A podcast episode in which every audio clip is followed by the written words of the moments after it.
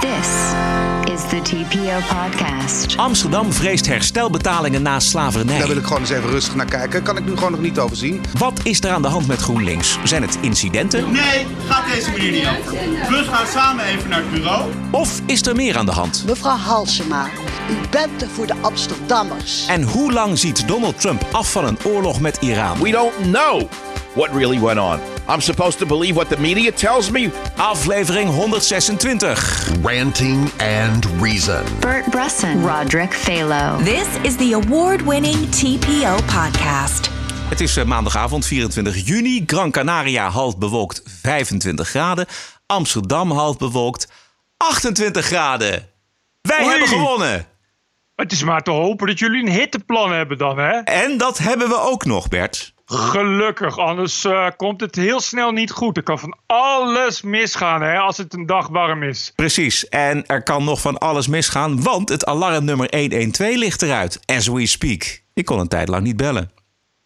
Nee, er was vanmiddag al een storing ook op het internet. En daarna breidde het zich uit. En toen ineens was er eh, dus de storing ook van 112. En toen is er via NL Alert aan uh, 10 miljoen Nederlanders via sms een bericht verspreid. Met het WhatsApp-nummer van de Telegraaf. Per Oh. ongeluk. Oh, De, er werd dus een, eh, een nummer verspreid. Dus voor eh, noodgevallen, de politie is een 088 of 0800 nummer. Plus een WhatsApp nummer 06 nummer. En dat bleek het WhatsApp nummer van de Telegraaf tiplijn te zijn. Die dus naar, eh, wat is het, 8 miljoen Nederlands is verstuurd per sms. Daarna kwam er een sms met een correctie.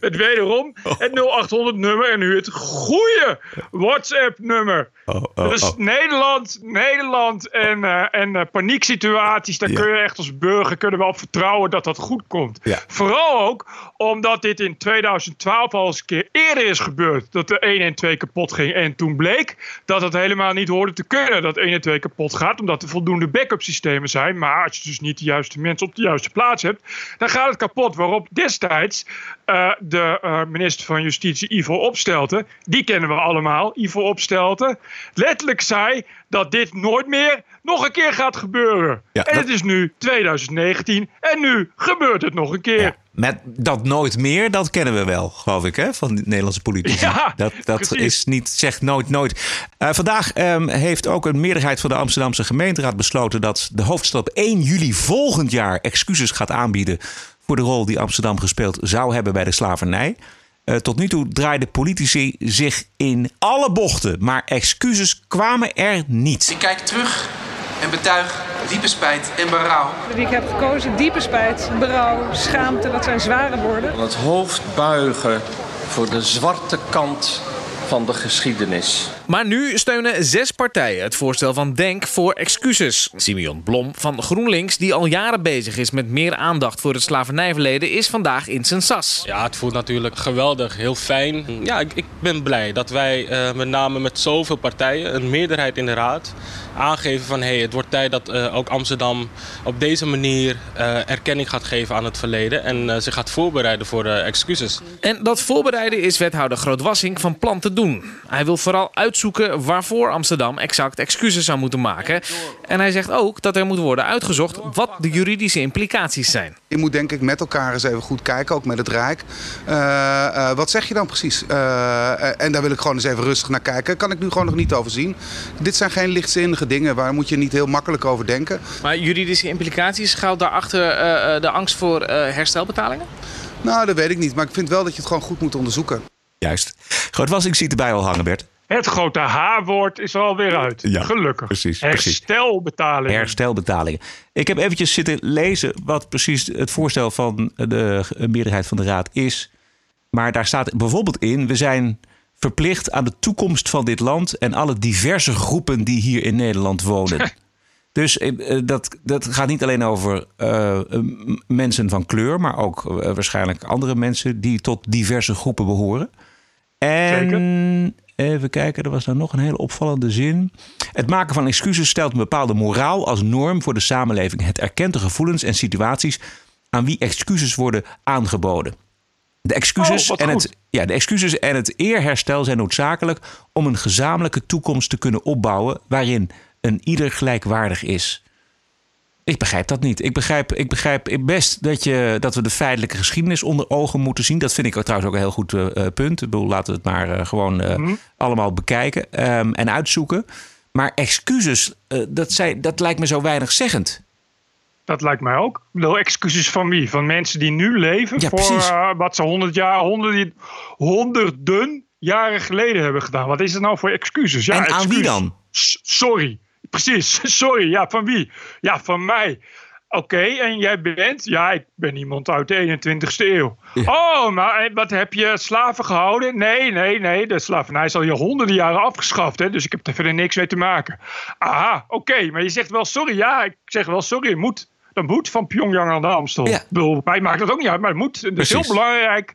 Daar komen we dichter bij elkaar. Dat heeft te maken met een moraal. Want we weten allemaal dat die moraal verder bij eh, de linkse meerderheid alle kanten op gaat. Dat is echt voor iedereen. Het is niet dat ze zeg maar, mensen die anders denken ooit zouden verketteren. Dat is het mooie Ja. van het gevoel van moraal. Van allemaal elkaar erbij horen. Precies. Hoe kun je nou als Amsterdammer oprecht excuses maken voor iets wat je niet gedaan hebt? Want daar, daar hebben we het natuurlijk over. Aan wie ook, hè? Ja, en aan wie? Ja, maar dan moet je ook, dus ook nog voorzichtig mee zijn. Je kan niet aan elke zwarte. dat je iedereen die zwart is, dat je zegt: Oh, excuses man. Nee. Weet je, dat is ook weer, dat is ook weer Nee. zo discriminerend. Ik bedoel, Ja. Je moet dan ook nog voorzichtig, want ja, wie, niet iedereen wil excuses. Het zegt niet zo dat, dat iedereen die, eh, laat ik maar zeggen, in de Belmen woont, nu graag eh, excuses op de mat wil. In zesvoud. Er zijn heel veel mensen die zeggen: Nou, ik hoef daar niet de hele tijd mee geconfronteerd te worden, want ik ben niet alleen zwart, maar ook gewoon een mens. Dus het wordt wel een beetje vermoeiend onderhand om nou een hele tijd weer over de slavernij te hebben. Dus dat kan dan ook weer niet. En aan wie? Want je kan wel de excuses gaan aanbieden aan de zwarte bevolking. Maar ja, de mensen die geleden hebben onder slavernij zijn alweer een paar honderd jaar dood. Ja. Dus als je nu iets verkeerd gaat en je wil excuses aan mij aanbieden, dan kan dat. Maar als ik dood ben, hoeft het voor mij niet. Echt niet. Dat zeg ik bij deze. Ik, als ik dood ben, hoef je voor mij geen excuses meer te maken. Nee. Dat maakt me allemaal dan niet zoveel uit meer. Nee. En bovendien ehm, wordt er eerst gesproken ehm, over excuses. Hè. Er wordt, er wordt een beetje voor de troepen vooruitgelopen. Want het is Mhm. nog helemaal niet duidelijk waar precies Amsterdam dan verantwoordelijk voor is. En waar die excuses dan over moeten gaan. Hij wil vooral uitzoeken waarvoor Amsterdam exact excuses zou moeten maken. En hij zegt ook dat er moet worden uitgezocht wat de juridische implicaties zijn. Dat vind ik ook mooi. Ik, ga echt alleen maar zeiken over excuses. En wat ze dan pas gaan bekijken waarvoor eigenlijk. Maar Het gaat eigenlijk om dat er gewoon excuses komen. Gewoon, ook, ook als er geen slavernij was geweest, dan hadden ze alsnog excuses geëist. Gewoon op excuses. Het, het grappige vind ik ook dat Groot-Wassink dus heel erg achteruit eh, gaat. Hè? Want die denkt ook van ja, ik ga het eerst eventjes met het Rijk overeenstemmen. Want daar kunnen wel eens juridische implicaties eh, aan vastzitten. Namelijk, als je excuses aanbiedt, ja, dan, dan beken je schuld. Dat geldt ook Juist. voor de, voor de rechtbank.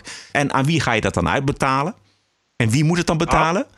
Nou, Gemeente dat is- Amsterdam zit er nogal krap bij kas. Nou, daar heeft de gemeente Amsterdam nog nooit een probleem van gemaakt. Dus wat dat betreft Ja, dat zal dat eh, nu ook geen probleem zijn. Maar eh, als het gaat om wie dat moet betalen en aan wie, dan zul je zien dat daar echt geen enkel probleem mee is. Dat is namelijk de belastingbetaler. Ja.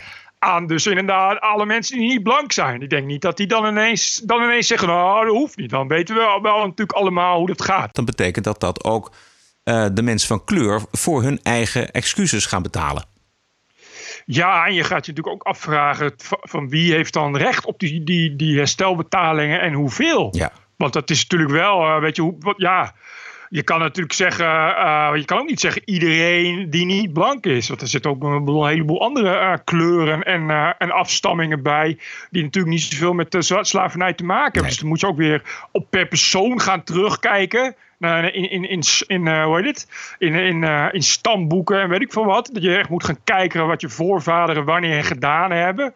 Dus dan moet een hele aparte aparte commissie. Daar wordt een aparte commissie voor in het leven geworden geroepen. Eh, en dan volgt er een schouw. Eh, en eh, daarna komt er een evaluatiecommissie die de commissie gaat evalueren.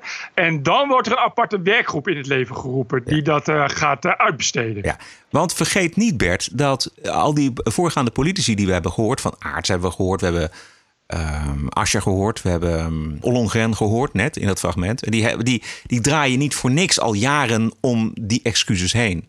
Dat, dat is natuurlijk, die weten ook donders goed welke implicaties dat heeft. Nee, maar het is wel opvallend dat nu ineens die hele gemeenteraad uh, voor is. Doordat GroenLinks een denk voor zijn en bij één ligt voor de hand. Maar dat ook de PvdA in uh, dit soort gelul meegaat, ja, maar dat is, is, uh, dat is ja, bedenkelijk. Nou ja, bedenkelijk in, in zoverre. Het is natuurlijk, op een gegeven moment ontkom je er niet meer aan. Het is natuurlijk ook een beetje de social justice. Hè? Het is, het is als, je, Ja. als je tegenstemt, eh, wat volgens mij de VVD en CDA en eh, Forum gedaan hebben. Ja, dan val je toch buiten de boot. Als je, daar, als je bij die groep wil horen, dat wil de. Partij van de Arbeid absoluut niet. Bovendien Ja. zitten ze samen in een college met, eh, met een andere partij. Dus die, die sluiten de rijen. Ook uit moreel oogpunt, denk ik. Ja, nou, exact. Nou ja, Ja. welkom, welkom in, in, eh, in het communisme 2.0. Dit is, dit is eh, precies, precies eh, hoe het verwacht was. Dit is precies waarom er ook nog zoveel mensen op Forum hebben gestemd. Omdat ze hier bang voor waren. En dat blijkt gewoon allemaal netjes uit te komen. Maar we moeten ook niet... Want gelukkig gaat het verder heel goed in Amsterdam. Er worden geen mensen verkracht en doodgeslagen. Er is ook geen sprake van extreme criminaliteit. Ik zag van de week een filmpje op het internet van twee eh, jongens die eh, s s'nachts een eh, heel metrostation opblazen met heel veel explosieven in de hoop eh, eh, de pinautomaat buiten kunnen maken. Althans, eh, de biljetten die erin liggen, die voor 300.000 euro eh, schade hebben gepleegd. Eh, wat zo'n beetje, ja, een normale dag in een normale avond in, eh, in Amsterdam is. Vandaag ook weer een steekpartij op de Albert Kuipstraat. Dus laten we nou eh, doen, niet doen alsof er heel veel mis is in Amsterdam. Want alle problemen zijn verder opgelost. Dus het is goed dat we dan naar dit soort dingen kijken. Dat alle prioriteiten, nou die hebben we gehad. De bruggen en kades die aan het vervallen zijn, zijn allemaal keurig netjes gerepareerd. Dus het is gewoon goed dat we nu ook naar dit soort dingen kijken. TPO Podcast. Ik was eh, een paar dagen in Zwitserland. En over een land op orde gesproken. Zwitserland is bijvoorbeeld goed te vergelijken, want daar moest ik aan denken, met, met een land als België. Dus ook opgedeeld in regio's, opgedeeld in taalgebieden. Alleen Zwitserland is een, is een mooi, goed functionerend land. En België is een lelijke bestuurlijke chaos. Op de Belgische autosnelwegen, als je daar wel eens overheen bent gereden, moet je eh, zo'n beetje tussen de gaten door eh, de weg vinden. En in Zwitserland rij je over prachtige wegen dwars door bergen heen, weet je wel. Niks taalstrijd in Zwitserland. Het land functioneert gewoon uitstekend. En België functioneert gewoon niet. Dus ik heb daarover nagedacht. Ik dacht van, hoe, wat, wat- wat is dat dan? Hoe, waar ligt dat dan aan? Nou, een van de grote verschillen is natuurlijk dat in Zwitserland ligt de macht daar bij de kantons en de gemeenten. Dus het is heel, heel klein. Precies. Over, over alles kan een referendum worden gehouden. Dus burgers zijn daar de baas. En die zijn er tevreden, die zijn goed geïnformeerd. En de centrale overheid is klein. De term is eigenlijk decentraliseren. Het is hetzelfde als in de VS. Ja. Je hebt gewoon heel veel macht bij staat en zo min mogelijk macht bij de overheid. En het gevolg is dat je heel erg betrokken burgers krijgt. Exact. Eh, die dus inderdaad eh, veel referenda, veel zeggenschap voor burgers. Dat is een beetje in de VS, althans in de, in de meeste staten, de goede staat zou ik wel zeggen, eh, niet veel anders. De- en het probleem wat je heel erg krijgt met, centralis- met een gecentraliseerde overheid, zoals in Nederland, eh, is, dat je, is dat er onbeperkt met belastinggeld wordt gesmeten. En waar je als burger niks op hebt te zeggen en ook geen controle in hebt, omdat die burger toch geen zak heeft in te brengen. En je ziet, als, zowel als in de VS als in, als in de Verenigde Staten, dat weet je, zelfs, het, zelfs de bankjes in je park eh, zeggen burgers nog, ja, wat kost dat? Kan het ook goedkoper? Weet je, De- je hebt overal betrokkenheid mee. Dus je krijgt ja, een, een samenleving met de gedroomde burgerparticipatie. Exact. En die, die krijg je omdat die burger eh, ja, ook niet weinig moet meebetalen. Eh, en tegelijkertijd, want wij gingen vroeger ook altijd op vakantie naar Zwitserland. En het is als je daar loopt, is altijd spik splinter schoon. Er ligt nooit afval op straat, is geen graffiti en geen vandalisme. Weet je, dat vonden we vroeger ook altijd al zo, zo merkwaardig. Je zag daar echt dat verschil met Nederland. Weet je wel, ook in het openbaar vervoer, keurige mensen. Eh, en dan denk je toch, hoe kan dat toch? En dat is ook een mentaliteit, maar dat is ook iets waar je mee opgroeit. Ja. Eh, het gevo- een gevolg bijvoorbeeld is dat Zwitserland altijd heel, heel conservatief is geweest. Sommige kantons, wist je bijvoorbeeld, sommige kantons hebben ze pas in 1970 kregen ze pas vrouwenkiesrecht. Zo conservatief was Zwitserland. Ja. Even over dat decentrale, weet je wel. Dat, dus de, de verantwoordelijkheid Mhm. leg je bij burgers. Referenda, decentraal bestuur. Je zou kunnen zeggen dat dit ook een manier zou kunnen zijn om de Europese Unie te besturen. Weet je wel, heel veel decentraal gezag gewoon bij de landen laten, bij de naties. En dan, ja, die Europese Unie, dat is een soort van schil om de boel bij elkaar te houden. En om dingetjes, ho- het hoogst noodzakelijke te regelen. Maar een van de grootste Belgen van onze tijd, Bert, die maakt er al jarenlang geen geheim van dat de oplossing niet decentraliseren is, maar centraliseren. And that is the real problem, colleagues. Why there is such a problem in this crisis? Because member states are reluctant to transfer new sovereignty and powers to the European Union. And we all know that the only way out of this crisis is a new transfer of powers to the European Union and to the European institutions. Ik, ik dacht er komt een fragmentje van Urbanus, maar het was een andere clown. Als je een half uurtje Verhofstadt op YouTube kijkt, dan ben je, dan word, dan word je, helemaal, dan word je helemaal rek van. Nou, dan word je helemaal bang je- van. Dan denk je dat je, dat je ergens in de jaren 30 bent beland. Ik wou, net- ik wou net zeggen, als je hem in Duits nasynchroniseert en hem in zwart-wit zet, dan eh, weet ik wel waar het op gaat lijken, geloof ik. Nee, dat klopt, eh, Bert. Eh, wat had ik al gezegd dat leuk is om eh F-16's la- laten horen? En waarom ook alweer? Nou, dat, omdat we in Nederland dus eh, iemand eh, heel goed kan zwemmen. Dat is toch, in Nederland is dat daar heel veel, heel veel waard. Dat is toch het inzetten van luchtsteun waard. Normaal is dat een probleem. Ik weet nog eh, dat bijvoorbeeld bij, eh, in, eh, in Bosnië bij de val van Srebrenica ging dat helemaal mis met die luchtsteun. Er waren F-16's kwamen niet. Maar als je goed kan zwemmen, wat toch ja, meer, dan, meer, dan, meer dan, dan iets meer dan een middelmaat is, zal ik maar zeggen. Dan komen de F-16's. Nou, iets de middelmaat is wel een hele prestatie. Daar komen ze trouwens!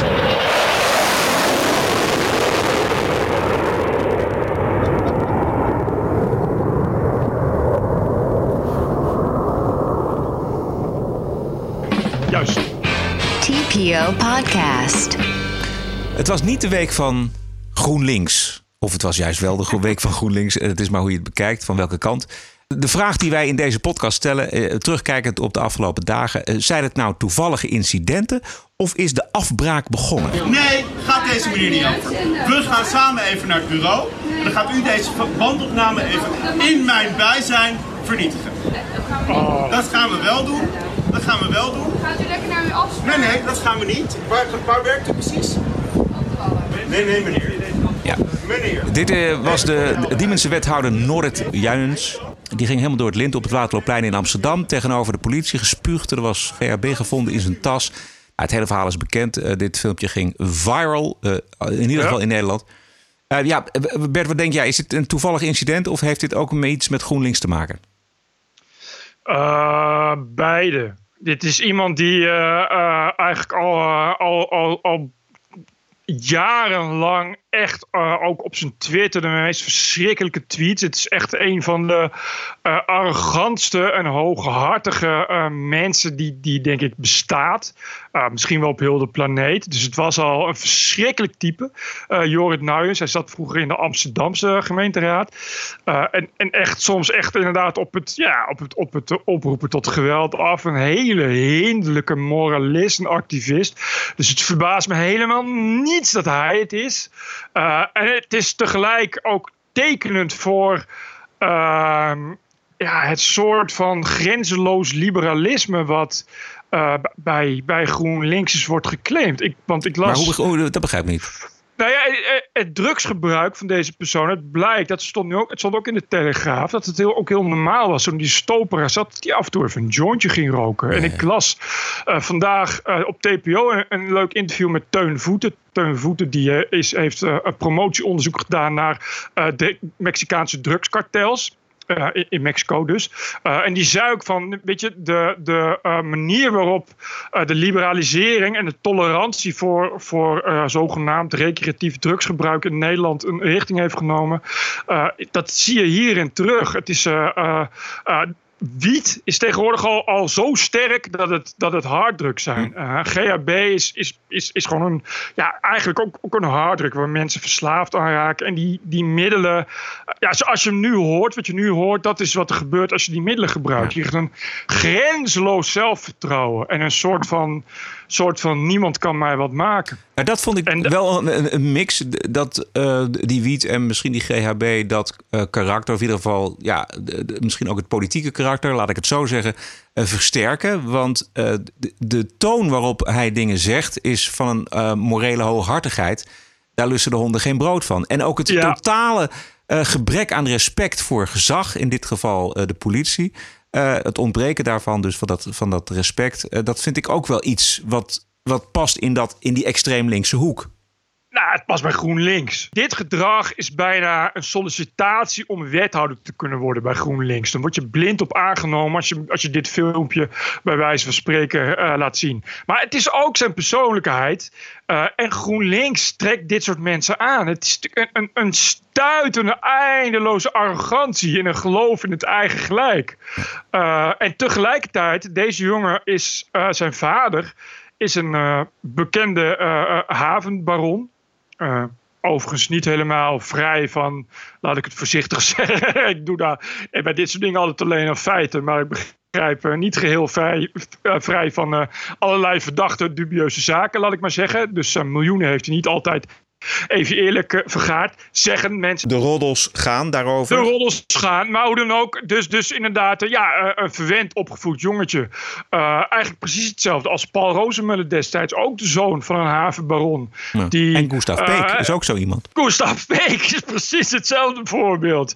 En die mensen, ja, mede door hun opvoeding en, en, en hoe ze zijn, hebben ze al het idee ja, dat ze de wereld uh, moeten vormen, omdat ja, eigenlijk geen twijfel bestaat aan wat zij doen wat goed is. Maar nogmaals, uh, lees wat tweets naar van Jorrit Nuyens. Echt, echt alleen al de afgelopen week. Het is werkelijk waar. De honden lusten er geen brood van. En je zou dus zeggen, ja, het is bij alle andere partijen zou het iets zijn waar ophef overal staan. Bij, bij GroenLinks is het juist, ja, strekt het ter aanbeveling. Je, je kunt er echt een hele trits van tweets van andere GroenLinksers open trekken. En je krijgt precies hetzelfde. En ironisch genoeg had hij één dag voordat dit gebeurde nog een uitgebreide tweet besteed uh, aan Kevin Kreuger. Dat is een, uh, ook een raadslid van ja. FVD in Amsterdam. Ja. Waar, waarop hij de FVD er nog maar eens van beschuldigde geen beschaving te kennen en geen omgangsvorm te hebben. Een dag later gebeurt er dit. Spuugt hij twee agenten in het gezicht. Dus je begrijpt dat Kevin Kreuger grijnzend, zichtbaar grijnzend, dit retweeten met de mededeling: Kom, zullen we eens een biertje overdrinken om het eens te hebben over wat beschaving is. Uh, en ik vind tegelijkertijd het in de bekspugen van het gezag heel erg passend bij GroenLinks en zeker bij GroenLinks Amsterdam het is, uh, het is nog, dit is dus die doorgeslagen tolerantie. De politie komt met vier man. Wie ben jij om tegen mij te zeggen wat ik moet doen? Ja. Jij bent van de politie. Ja. Dan ga ik toch niet dat zomaar erkennen. Ik ben het. Nee, wij gaan naar het bureau. Hij bepaalde het, ja. Ja, er is nog meer aan de hand met uh, GroenLinks. Het verzet groeit in Amsterdam Buitenveldert tegen GroenLinks burgemeester Femke Halsema. Mevrouw Halsema, u bent er voor de Amsterdammers voor de echte Amsterdammers. En niet voor de illegale, niet voor de ongedocumenteerde. Laat die naar huis gaan. Geef ons onze rust, onze vrijheid, ons trouwe belastingbetalers. Geef ons onze vrijheid waar we recht op hebben. Terug. Heel goed, heel goed. Zo. Ja, dit zijn volgens mij mensen die nog nooit in hun hele leven eh, de straat op zijn gegaan. Maar nu wel de straat op gaan tegen burgemeester Halsema. Dat is een lastige voor de burgemeester volgens mij. Als er delen van de bevolking in je stad zich uh, zo over je uitspreken. Nee, helemaal niet. Dat, zij vindt zelf helemaal van niet. Dat, nee, wat, dit is zij dus, vindt wat van niet. Zij zegt dus gewoon, dat heeft ze ook gezegd als reactie op wat FVD erover heeft gezegd. Uh, uh, dat, je dat, ja, dat ze daar moeite mee heeft. Daar heeft ze dus moeite mee. Ja. Met dat soort dingen zeggen uh, over, over asielzoekers. Uh, en en dat, het, dat, dat, dat schouwen van die bosjes. Dat zegt ze dus gewoon van dat het, dat het heel belangrijk is. En dat je dat niet belachelijk mag maken. Dat het juist heel goed was. Dat het juist heel veel gaat schelen. Weet je, het is. Nee, maar daarna, daarna Bert, kwam, kwam dit. Dat vindt Femke Halsma niet leuk. Dat weet ik zeker. Nee, dat vindt ze helemaal niet leuk. Die uh, heeft al snel dat ze iets niet leuk vindt. Maar, eh, maar heeft ze erop gereageerd? Nee. nee. Want en ik, ik weet zeker wat dat ze gaat zeggen. Dat ze dus gaat zeggen: ja, nee, maar uh, je, je mag op deze manier je vrijheid niet zo misbruiken. Je mag dat niet aan elkaar knopen. Uh, het is stemmen uit het volk van gewone mensen. Die tellen niet bij GroenLinks. Dat is toch, dat is toch, ik bedoel, als dat zo was, dan was nu toch die gemeenteraad niet notabene bezig gegaan met excuses voor de slavernij. Dan was die gemeenteraad toch met z'n allen bezig geweest om met dit soort dingen. Verschrikkelijk, er is iemand verkracht. Laten we daar excuses voor aanbieden. Nee, we gaan excuses aanbieden voor wat er 800 jaar geleden is gebeurd. Dat is GroenLinks. Je, de man uit de straat Weet je wat ze dan zeggen? Precies hetzelfde wat Jorrit Nuijs zegt. Nee, daar gaan we helemaal niet nu over hebben. Dan gaan wij, wij gaan nu niet, wij gaan nu niet klagen over asielzoekers, mevrouwtje. Wij gaan nu niet vinden dat we een, een mening hebben. Tut, tut, tut, ho, ho, ho. En dat is ook Femke Halsema, ten voeten uit. Het is notabene Godjan Dori, geen... Uh, geen uh, Van der Laan. Maar dat, van der Laan was een echte mensenmens. Dat was iemand die, die, die uh, bij notabene nog zelf op de markt heeft gestaan. Bovendien een advocaat. Weet je, die, die al vanaf het begin af aan zei: Ik ga naar iedereen luisteren. En die zelf hier had gestaan, dat weet ik zeker. Als hij nog had geleefd, had hij gewoon al naast deze mevrouw gestaan. En heus niet dat hij dan had gezegd. Uh, uh, Oké, er komen geen asielzoekers, dat is ook niet zo. Maar hij was er geweest en hij had tegen die mevrouw gezegd: Kom even langs. Uh, in, in, mijn, in mijn ambtswoning. En, en ik ben er ook, dat, dat weet ik zeker. En ik weet zeker dat Femke Halsema dat nooit gaat doen. Ze is een beetje met een valse start begonnen, want er was een, een petitie. Ja. Dus ze was al niet heel erg populair bij, bij veel Amsterdammers.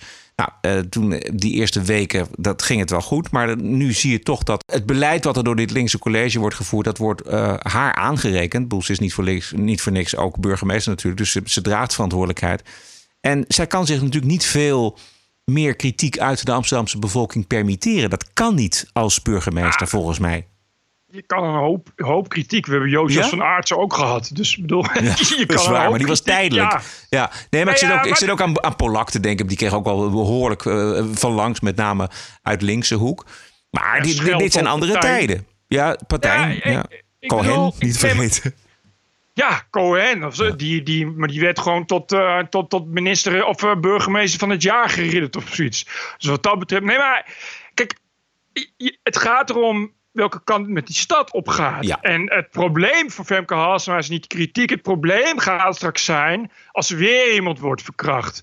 Uh, en, en als er weer is, zoals nu wat ik net zei, weet je, er, wordt gewoon een, een half metrostation opgeblazen.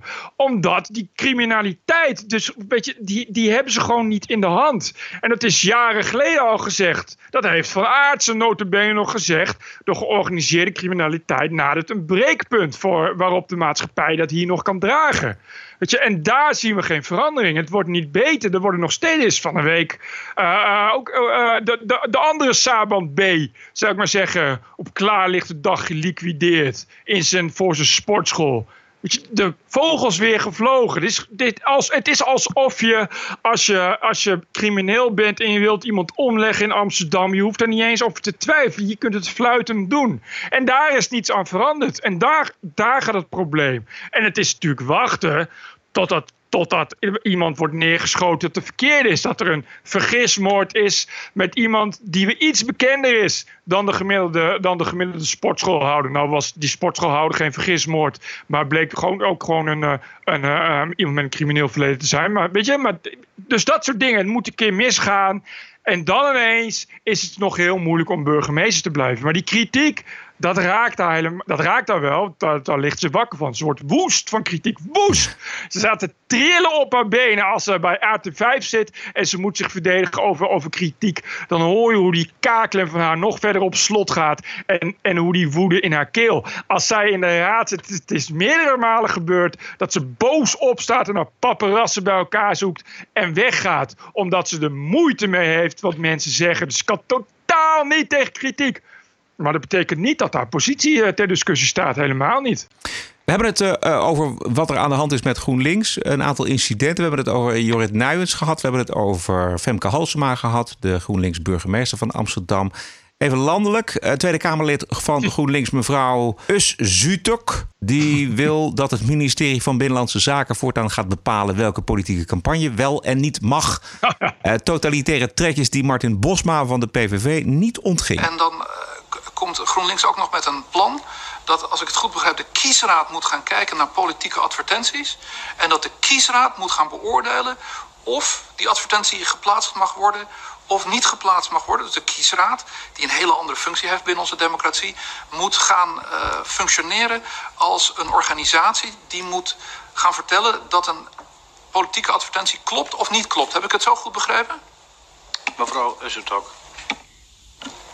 Uh, ja, daar komt het wel neer. Dat is wel inderdaad een andere uh, invulling of een andere taak zou kunnen zijn. Op dit moment zie ik een leemte als het gaat om uh, controle en handhaving wat er op dat gebied gebeurt. Uh, je zou misschien aan de ministerie van Visa zo'n functie kunnen geven, maar volgens mij kan de kiesraad net zo goed omgevormd worden. Het is een idee. Ik ben benieuwd ik, wat u daarvan vindt. Het is ongelooflijk dat je deze gedachtegang in een democratie voor elkaar krijgt. In je hoofd, volgens mij. De heer Bosma. Nou, ik ben er tegen. Ik zie de minister nog niet stralen van enthousiasme. Uh, maar ik uh, word badend in het zweet wakker bij de gedachte dat de ambtenaren, met alle respect, moeten gaan beoordelen welke politieke advertentie geplaatst mag gaan worden in Nederland of niet. Ja, hij zei nog meer. Hij zei ook, hij, hij maakte dus uh, uh, gewacht van het uh, communistische verleden van GroenLinks. Ja. Dat is heel grappig, want het is waar. En dit, dit, dit, soort gedachten zitten dus gewoon in GroenLinks. Maar ook feilloos, moeiteloos. Jij zegt dus inderdaad van, oh, ongelooflijk dat je dit soort gedachten kan hebben. Dat is echt, bij GroenLinks is totaal geen rare gedachte. het, is, het, is, het is een normale gedachte, serieus. Ja, het is, mensen gaan volledig voorbij aan hoe een democratie behoort te functioneren. En wat vrijheid is en wat vrijheid van meningsuiting is. En wat vrijheid van politieke partijen is. Straks gaan ze ook nog bepalen, willen ze ook nog bepalen uh, of, je, of je een politieke partij mag oprichten, ja of nee. Nou, en of je, en of je, wel, met, en of je wel met, met de verkiezingen mag meedoen. Ik, als, je dat, als je het voorstelt, dan weet ik, als je een poll zou houden onder GroenLinks-leden, weet ik zeker dat de meerderheid inderdaad daarvoor zou zijn. Ja, een beetje. De, het is dus. Uh, uh, als, je zou, als je zou peilen, is het een goed idee om niet meer iedereen aan de verkiezing te laten deelnemen. Of niet meer zomaar iedereen een partij te laten oprichten. Om daar, nou, laten we zeggen, een maatstaf aan te koppelen. Dat je aan een bepaalde commissie gekeurd moet worden. of, je, of je politieke partij mag oprichten. Als je dat peilt bij GroenLinks, is het zeker dat 80% voor is. Dus dit, dit zijn eigenlijk geen incidenten. Het zijn wel drie hele verschillende zaken. Maar ja. heeft dit grotere implicaties? Of blijft GroenLinks gewoon de ideale partij voor iedereen boven de 16? Nee, kijk, zolang Jesse Klaver er is, blijft het de ideale partij van iedereen boven de 16. Hm. Maar dat is, kijk, daar beginnen nu natuurlijk de scheurtjes te komen. We hebben natuurlijk dat GroenLinks-verhaal gehad met die Corine Ellemeet uh, en die, en die Zinnie Usdeel. Uh, en het excommuniceren door het politbureau Klaver. Dus dat, dat is natuurlijk iets wat, waar je, waar, wat je er niet meer uitkrijgt. Maar, wat, maar het is wel zo, ik, je moet niet uh, uh, vergeten dat daar gewoon een heel groot draagvlak voor is. En dat is er altijd geweest. Uh, bedoel, ik weet dat in Utrecht hebben ze echt volgens mij, zolang ik me kan herinneren, al GroenLinks wethouders. Nou, daar zat, daar zat op een gegeven moment, ik weet niet hoe ze heet, die, die vrouw van Wijnand Duivendak was daar wethouder. Nou, die is knettergek, kan ik je vertellen hoor. Dat, was, dat, was, dat is, dat is Jorrit Nuyens keer drie. Dat is daar uh, jaar op jaar is daar iemand gewoon uh, is, is daar iemand wordt daar massaal op gestemd. Dus vergis je vooral niet in, in, in hoe mensen dat opvatten. Ja. ja. Het is een excuuspartij voor heel veel rijke mensen ook. Ik, ik sprak laatst iemand die ik ook wel langer ken en die woont in een prachtig groot huis in Hilversum. en die vroeg, wat stem je eigenlijk? Of waar hadden het over politiek? Toen zei ze, nou, ik, ik stem gewoon GroenLinks. Het is een schuld, een schuld- en boetepartij. Ja, het is een, het is een ja. schuldpartij. Het is de ideale manier. Eh, ook om, om, ja, en het is ons om je mensen schoon te krijgen. Ja, ons soort mensen doet dat. Ja. Tuurlijk, st stem je op GroenLinks. De hele buurt stemt daarop. Want, want ja, en dat heeft natuurlijk ook te maken met de manier waarop die mensen wonen in een lommerrijke laan, in, in een vrijstaande villa in Hilversum. Ja weet je dat alle voorstellen van GroenLinks massaal en mijlenver aan je voorbij gaan. Juist. Ja, dan moet je een elektrische auto kopen. Dat geeft niet, want je wilt toch de, de nieuwe Tesla kopen. En je hebt een oprijlaan en dan kun je hem gewoon En ja, ja. opzetten. Dus eh, ja, en, en, en asielzoekerscentrum komt er echt niet bij jou in de buurt. Nee, die komt niet in jou. Nee. Dat, dat weet je ook. Die komt niet in jouw wijk. Want je weet dat alle GroenLinks-stemmers in jouw wijk zijn allemaal advocaten en officieren van justitie. Dus als er een, als er een asielzoekerscentrum komt, dan is die ook weer, eh, voor je het weet, is die weggepetitied. En, en, en gejuridiseerd. Zo gaat dat. Het is, het is eh, ja, het is, het is ja, dus wat dat betreft. En het is natuurlijk ook, en dat is het probleem, het is natuurlijk een mooie sprookjeswereld die aan mensen eh, eh, met een geoliede marketingmachine, met veel propaganda, eh, succesvol wordt verkocht. Het is voor veel jonge mensen natuurlijk echt een idee dat je GroenLinks alles gaat delen en dat het dan een, een prachtig milieu en een prachtige, een prachtige natuur en, en een plek voor iedereen en dat soort geleuten. En het klimaat Ja, het is is er niet te vergeten. Ik bedoel, dat is eh, ook een belangrijk argument volgens mij. Mensen, niemand kan zich een voorstelling maken van hoe het klimaat Juist. er over, over t- eh, 10, 20 jaar uitziet. Maar eh, als we allemaal op GroenLinks stemmen, dan komt het wel goed. Ja, nee, precies. En, maar, en dat, wat je zegt. En dan hoef je ook niet af te vragen hoe dan. Want dat kun je aan GroenLinks overlaten. The FM Talk Station. The Rush 24-7 podcast. Los Angeles. And now, America's most exciting radio talk show, The Savage Nation. And we're here. How the hell did we get here? TPO Podcast. News Talk Radio 77. WABC. New York City. Straks de campagne. Eerst de spanningen tussen Amerika en Iran. Die zijn nog niet voorbij. Na het afblazen van de vergelding tegen Iran voor het neerhalen van eh, de drone, de Amerikaanse drone. Nog eh, vragen genoeg. Eén is hoe graag wil veiligheidsadviseur John Bolton, de snor, oorlog met Iran. Zo graag. I have said for the, over 10 years since coming to these events that the declared policy of the United States of America should be the overthrow of the mullahs regime in Tehran. And that's why before 2019, we here will celebrate in Tehran. Thank you very much. Thank you very much. Dit is eh, eh, John Bolton, de, de snor, noemen we maar. De walrus wordt hij genoemd. Eh, de snor die wil wel, maar Trump wil niet. Het, eh, je hebt het natuurlijk ook met fascinatie gevolgd... wat zich daar eventueel in dat eh, Witte Huis heeft afgespeeld. Heb je enig idee, Bert? Ja, hij is, nou ja, ik kan alleen op de woorden van Trump afgaan. Maar hij zegt zelf dat hij het op 10 minuten op het laatste moment heeft, eh, heeft teruggetrokken. Ja. Hij zei, we, we were cocked and loaded. Eh, dus, dus alle plannen lagen klaar voor, voor een grootscheepse aanval van eh, Navy en, eh, en luchtmacht. En eh, hij heeft op het allerlaatste moment gezegd, eh, eh, eh, doe het niet. Dat zegt hij zelf, althans. Nu is de vraag of Trump wel volledig was ingelicht door die Bolton. Michael Savage hierover. Usually, a president is given a casualty assessment before he gives a green light to a mission, doesn't he? Or am I mistaken on that? I know I'm not supposed to ask it because the all knowing media doesn't want to ask this question, but I will ask it again. Now, either he was denied the casualty assessment by John Bolton and the team of chicken hawks who got us into Iraq and want us in a war with who knows this time Iran, Russia, maybe throw in China. Do you know how you know how great their power grows if we have a war with those countries? Have you any idea what happens to the power of these people if we're at war? They become demigods, more powerful than you can imagine. They have almost dictatorial powers if we go to war. Ja, hij heeft het over eh, de snor, hij heeft het over de veiligheidsadviseurs, hij heeft het over de neocons. Dat is tamelijk zorgelijk. Het is nog niet voorbij. Ik bedoel, Het kan alsnog gaan gebeuren. Het is zeker nog niet voorbij. Eh, we hebben volgens mij eh, nog maar echt het voorspel gezien. Eh, eh, ik, ik, kijk, het is zo al dat als die neocons, eh, die dus net als eh, de war in Irak, natuurlijk heel veel belangen daarbij hebben. Eh, zowel zowel eh, geopolitiek als, als ook financieel. Hè. We hebben het in Irak gezien met, met, met Blackwater en, en, en de, de, de vice-president. Die film, hè, die, die jij hebt gezien, toch? Die moet je echt zien. Het is zo, zo veelzeggend dat het eh, angstaanjagend is. Eh, en dit, dat is nu precies hetzelfde. Er zitten dezelfde, dezelfde spelers staan op het toneel. Dat zijn dezelfde nieuwkomers met dezelfde belangen. Dus daar zal alles aan worden gedaan. En je ziet hoe. ja, we hebben natuurlijk, natuurlijk die, die, die zogenaamde torpederen van een olietanker gezien. Ja, daar zitten toch wel een hoop eh, vragen, eh, en vragen nog aan eh, hoe, hoe echt dat allemaal wel niet is. En ik vond, ik vond zelf, en ik ben daar nogal wantrouwig over, het nogal erg makkelijk opzetje. Van inderdaad, je, je, slaat, je, je slaat een gat in een olietank en zegt: Oh, dat, waren de, dat was Iran. Ja. Het is wel, ik, ik vond het wel heel erg. En dan met beelden erbij. Maar Bert, hoe kan het nou toch dat Trump deze boeven heeft binnengelaten?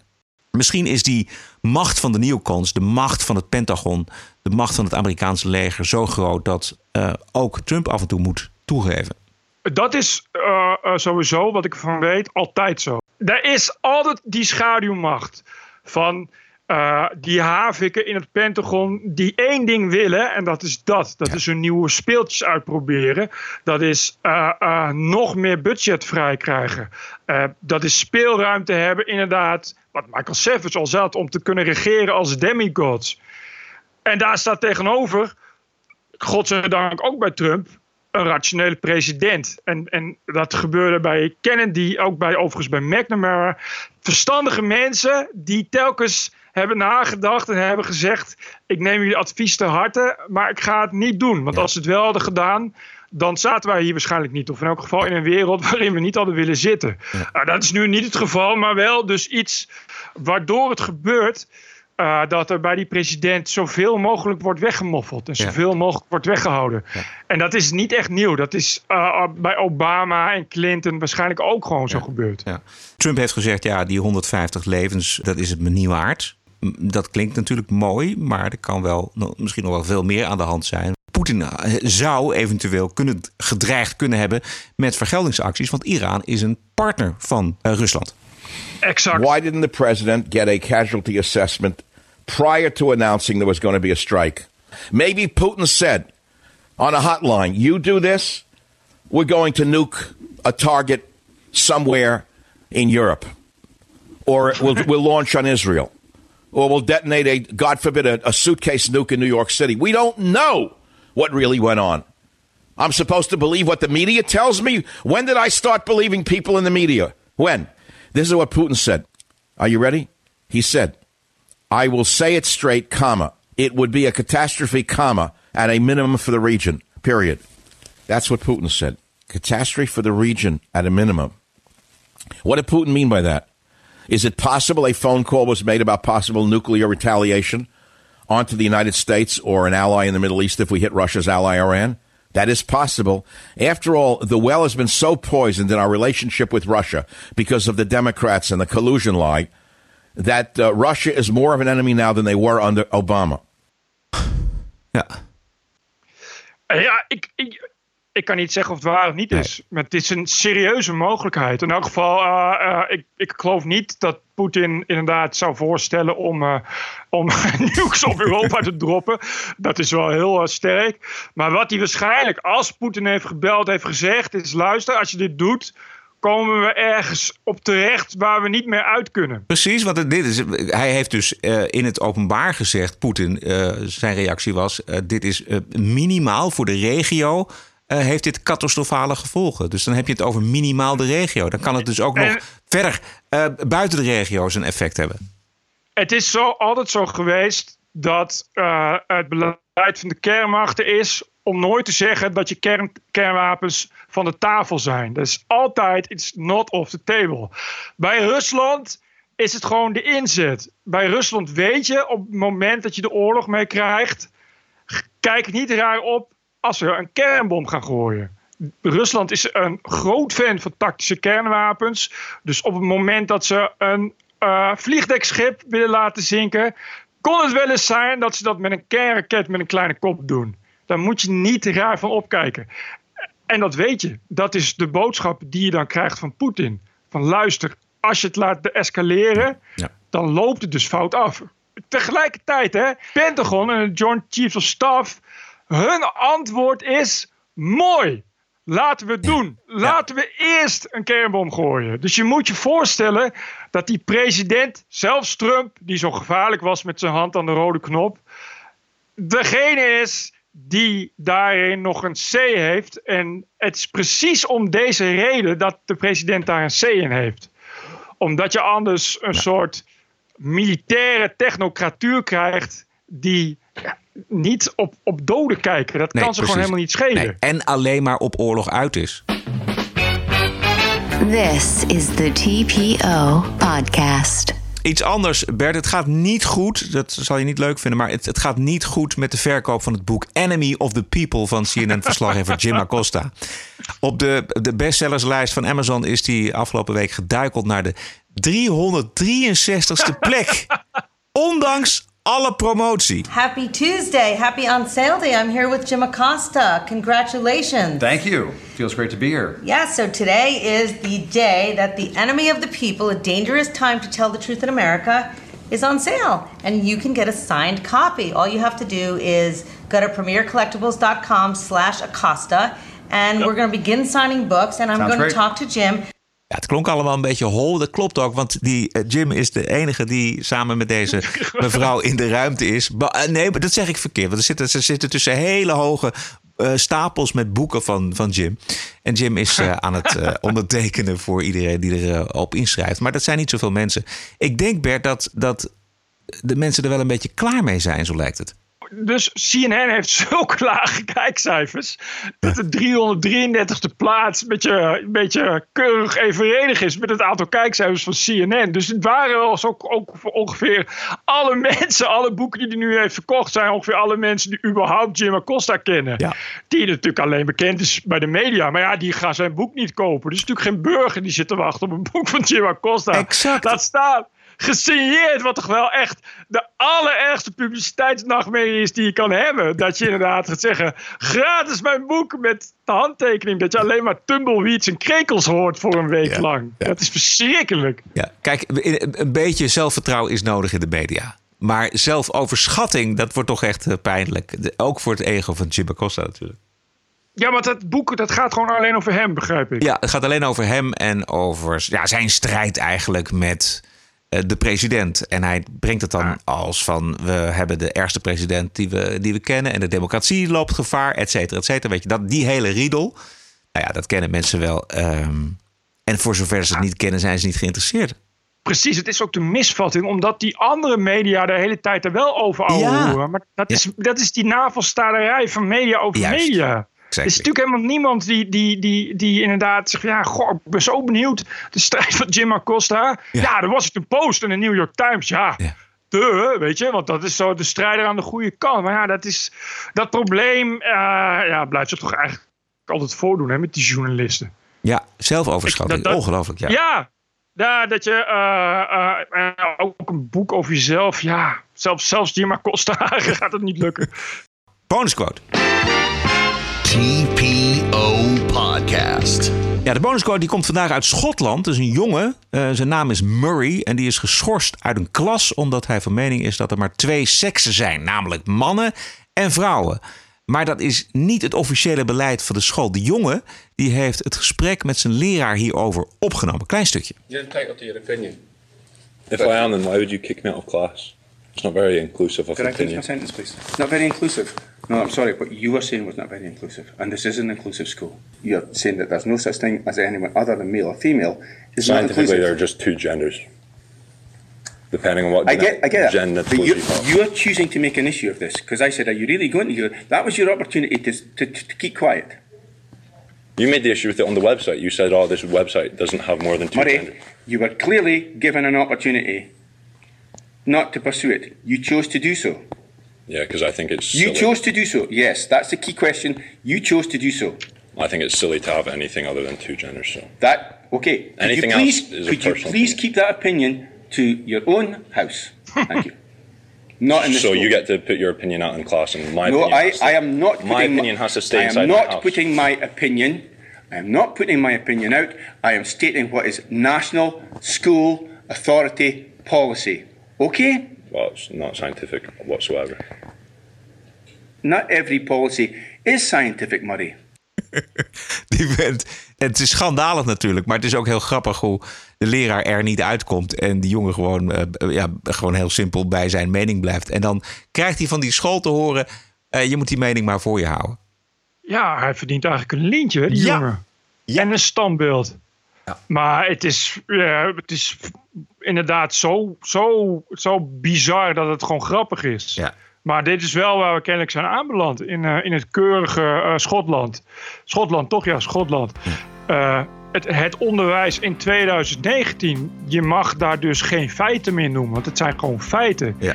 Het is, die jongen die zei alleen maar... Er zijn maar twee genders. En dat is man en dat is vrouw. Dat is waar. Dat is een feit. Ja. Wat zijn nou de rest is eh, identity. Hè? Ik bedoel, Mensen kunnen wel een andere ehm, eh, identiteit willen aannemen. En daar zijn ze ook helemaal vrij in. Maar biologisch gezien zijn er maar twee seksen. En dit is dus het onderwijs waarin je geacht wordt feiten te leren. Ja, het is, het is allemaal van, eh, van een hoog 1984 gehalte wederom. En het is goed dat dit soort dingen dan naar buiten komen. Al denk ik niet dat het snel gaat veranderen.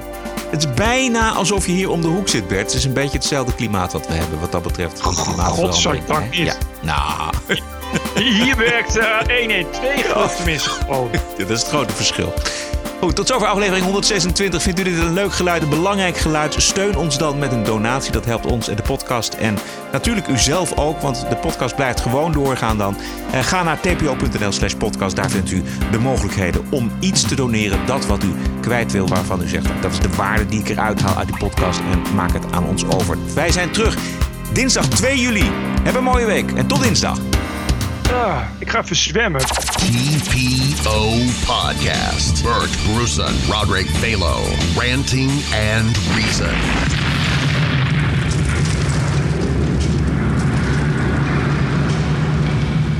Podcasting is the TPO podcast in the Netherlands. Bert and Roderick. What a show. I'm telling you.